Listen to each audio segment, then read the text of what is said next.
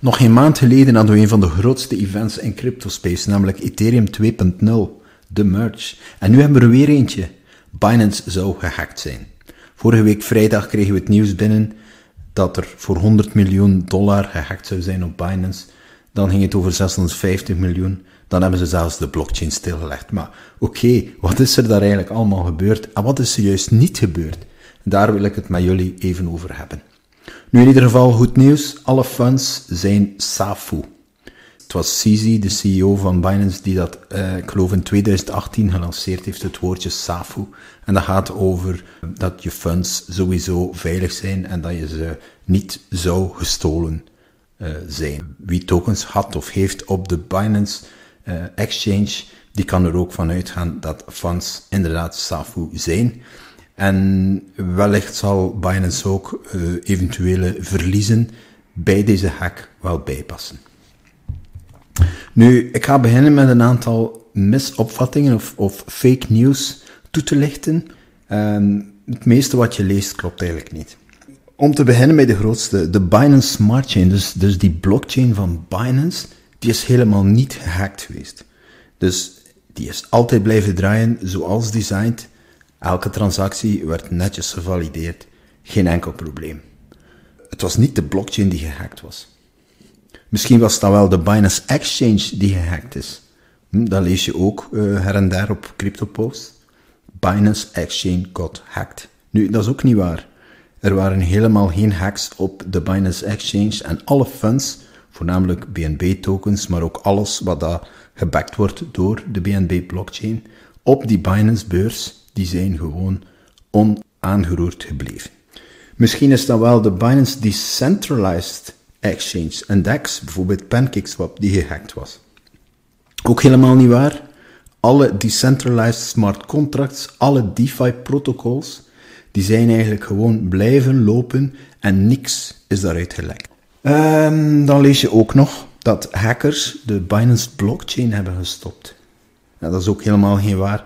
De Binance blockchain is inderdaad een tijdje stilgelegd, maar dat was puur een actie van de meerderheid van de validators om eigenlijk mitigerende acties te kunnen uitvoeren en uh, te doen wat ze konden om de hack, die er wel degelijk was, terug te draaien. Nu, wat is er dan eigenlijk gebeurd? Nu, um, de hack die gaat eigenlijk over het gebruiken van een, van een achterpoortje in de code bij een precompiled smart contract, dus eigenlijk een, een, een stuk machine, bitcode die op de blockchain stond. En die eigenlijk als rol had om een uh, token bridge te serven. Nu, een token bridge, dat is eigenlijk een smart contract op de ene blockchain en dan heb je nog een smart contract op de andere blockchain. Uh, en de, de rol daarvan is eigenlijk van zo'n bridge om tokens van het ene ecosysteem, de ene blockchain, naar een andere blockchain te brengen. En daar heb je eigenlijk een component in om dat te kunnen.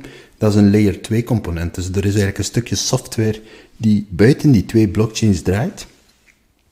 En die eigenlijk um, tokens die op de ene blockchain bestaan, eigenlijk moet, moet lokken of vernietigen, burnen, en ze dan eigenlijk moet maken of minten op de andere blockchain. Dus daar is het eigenlijk misgelopen. Dus eigenlijk is die hack ja, niet zo complex. Dankzij dat achterpoortje heeft de hacker eigenlijk die, die bridge software die op layer 2 draait, dus buiten de blockchain laten geloven dat er 2 miljoen Binance tokens waren gereserveerd om over te, gezet te worden naar een andere blockchain. En uh, die zijn eigenlijk dan gemint hè, op uh, die, dat andere ecosysteem, dat andere blockchain. Dus eigenlijk, ja, out of thin air, zeggen ze. Dus uit het niets zijn die gemaakt. Dus die 2 miljoen Binance tokens zijn gemaakt geweest op de Binance Smart Chain. En die hadden op het moment van de hack een waarde van 570 miljoen dollar. En de hacker is dus eh, direct aan de slag gegaan daarmee met die nieuw geminte BNB-tokens en heeft ze uh, in stukken eigenlijk omgezet naar USDC en USDT, dat is stablecoin.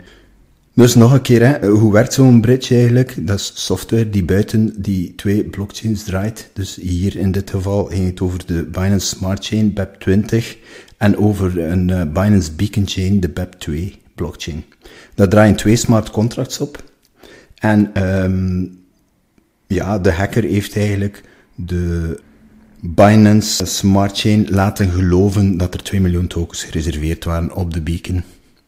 Die waren er helemaal niet. Oké? Dus die blockchain smart contracts hebben eigenlijk gedaan waar ze voor gedesigned waren. En die zijn ook gedesigned om eigenlijk blindelings te luisteren naar het layer 2 protocol die hen instructies geeft om te lokken of te burnen en te unlocken of te minten. Hoe is dat eigenlijk kunnen gebeuren? Ja, dat is een, dat is een beetje een lang verhaal, maar je moet weten dat um, de Binance Smart Chain gaandeweg, vooral voor DeFi-protocollen, uh, regelmatig eens uh, de code tweakt. Uh, alles staat open source. En ja, een, een slimme hacker die heeft dan eigenlijk het achterpoortje gevonden. Hè. Binance is direct met ja, efforts te doen, met, met te kijken wat ze konden doen om eigenlijk de attack tot een uh, minimum te beperken. En uh, wat ze eigenlijk gedaan hebben, uh, dus, dus, de CEO van Binance, CZ, die heeft direct erover getweet. En die heeft eigenlijk gezegd van, kijk, er was een, exploit op de bridge. En er is eigenlijk extra BNB gemint. Hè. Daar geeft hij al een hint wat er gebeurd is. Hè. Dus er is gewoon BNB gemaakt die eigenlijk niet gebackt zat door andere BNB die gelokt zat. Hè. Dus hij zei van, kijk, uh, dat is het probleem, die is gemint, onterecht.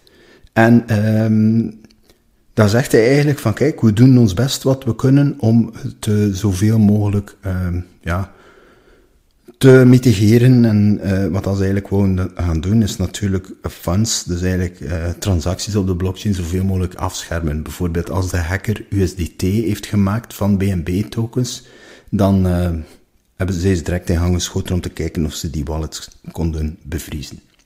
Nu, om dat te kunnen doen, uh, hadden ze blijkbaar een update nodig in de code. En um, nu moet je weten, de validating community van de Binance Smart Chain is eigenlijk een vrij kleine community.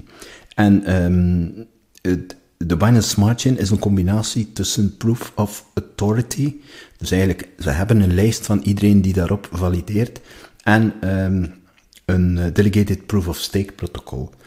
Met andere woorden, Binance zelf, dus CZ, uh, had contactgegevens van de meeste validators, om niet te zeggen alle, en heeft hen gevraagd of dat ze wouden een, uh, een update doen in de code en daartoe eigenlijk eerst de blockchain stilleggen. Dus ze hebben dat dan gedaan. Dus ze hebben eigenlijk gewoon gezegd van oké, we stoppen met valideren, we stoppen gewoon het netwerk en we gaan een update doen. En in die update werden eigenlijk alle wallets van de hacker bevroren.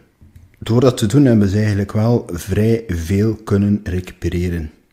Dus in totaal, misschien nog eventjes in cijfers, zijn er rond de 45 validators in verschillende tijdzones uh, actief. En um, Binance Smart Chain heeft eigenlijk 26 validators kunnen bereiken en kunnen vragen van kijk, kunnen jullie de blockchain hier stilleggen? Dan hebben ze de node software geüpdate zodanig dat ze accounts konden gaan freezen.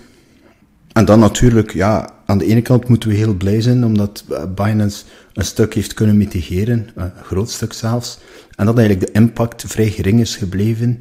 De waarde van de BNB-token en eigenlijk de markt uh, in zijn algemeen is maar een paar procent even gezakt op dat moment. Ja, dan kan je natuurlijk af gaan vragen van wat betekent dat voor decentralisatie. Hè? Uh, willen we dat eigenlijk wel, dat een blockchain kan stilgelegd worden? Willen we wel dat accounts kunnen gefreezed worden en zo verder? Nu, uh, Binance heeft in ieder geval gezegd dat ze het, het mogelijke aspect van een decentralisatie die in gevaar komt, dat ze dat wel begrijpen. En um, wat dat ze nu gedaan hebben is, nu gaan ze via een votingmechanisme gaan voten en gaan vragen aan de community, dus alle holders van BNB kunnen meestemmen, wat dat er moet gebeuren met die gefreezed accounts. Dus hier is het eigenlijk wel goed dat ze niet 100 en 100% gedecentraliseerd zitten. Want dit heeft er ook voor gezorgd dat bepaalde hacks zoals deze kunnen gemitigeerd worden. Alhoewel uh, moet je ook altijd natuurlijk uh, ja, blijven vergewissen. Als Binance dat kan doen, dan kunnen ze eigenlijk potentieel morgen die blockchain ook gewoon voor een andere reden stoppen. Zal dat gebeuren? Wellicht niet. Dus ik denk dat het wel redelijk safu is om op de Binance blockchain te opereren. Maar goed, uh, het is wel mogelijk. Hm? Uh, we hoeven daar ook zeker niet Binance hier als een, uh, foute blockchain te gaan bekijken, want dat is zeker niet. Er zijn heel veel andere blockchains die dat potentieel ook kunnen, het ecosysteem platleggen. Hm? Ehm, oké, bij de ene zal het wat moeilijker zijn dan bij de andere, en ik denk dan vooral aan Bitcoin. Ehm, ik acht de kans zeer klein tot onmogelijk dat het bij Bitcoin zelfs kan gebeuren, omdat we daar met een heel andere uh, consensus algoritme zitten en we hebben daar proof of work en de miners zijn er eigenlijk niet gekend. Uh, met andere blockchains is dat eenvoudiger. Hm? Nu, de balans van de rekening, die hacker hier, die heeft eigenlijk in totaal slechts 110 miljoen kunnen buitmaken via zijn gemunte BNB-tokens. Nog een keer hier ook, uh, door het protocol, dus een DPoS in combinatie met een uh, Proof of Authority, en noemt dat POSA. Uh, dus doordat ze met die consensus zitten, hebben ze eigenlijk de mogelijkheid gehad om alle validators aan te schrijven of, of op te bellen, bij wijze van spreken, en, en eigenlijk die blockchain te halten en een snelle update te doen. Oké, ik hoop dat jullie het interessant vonden en op naar het volgende major crypto event.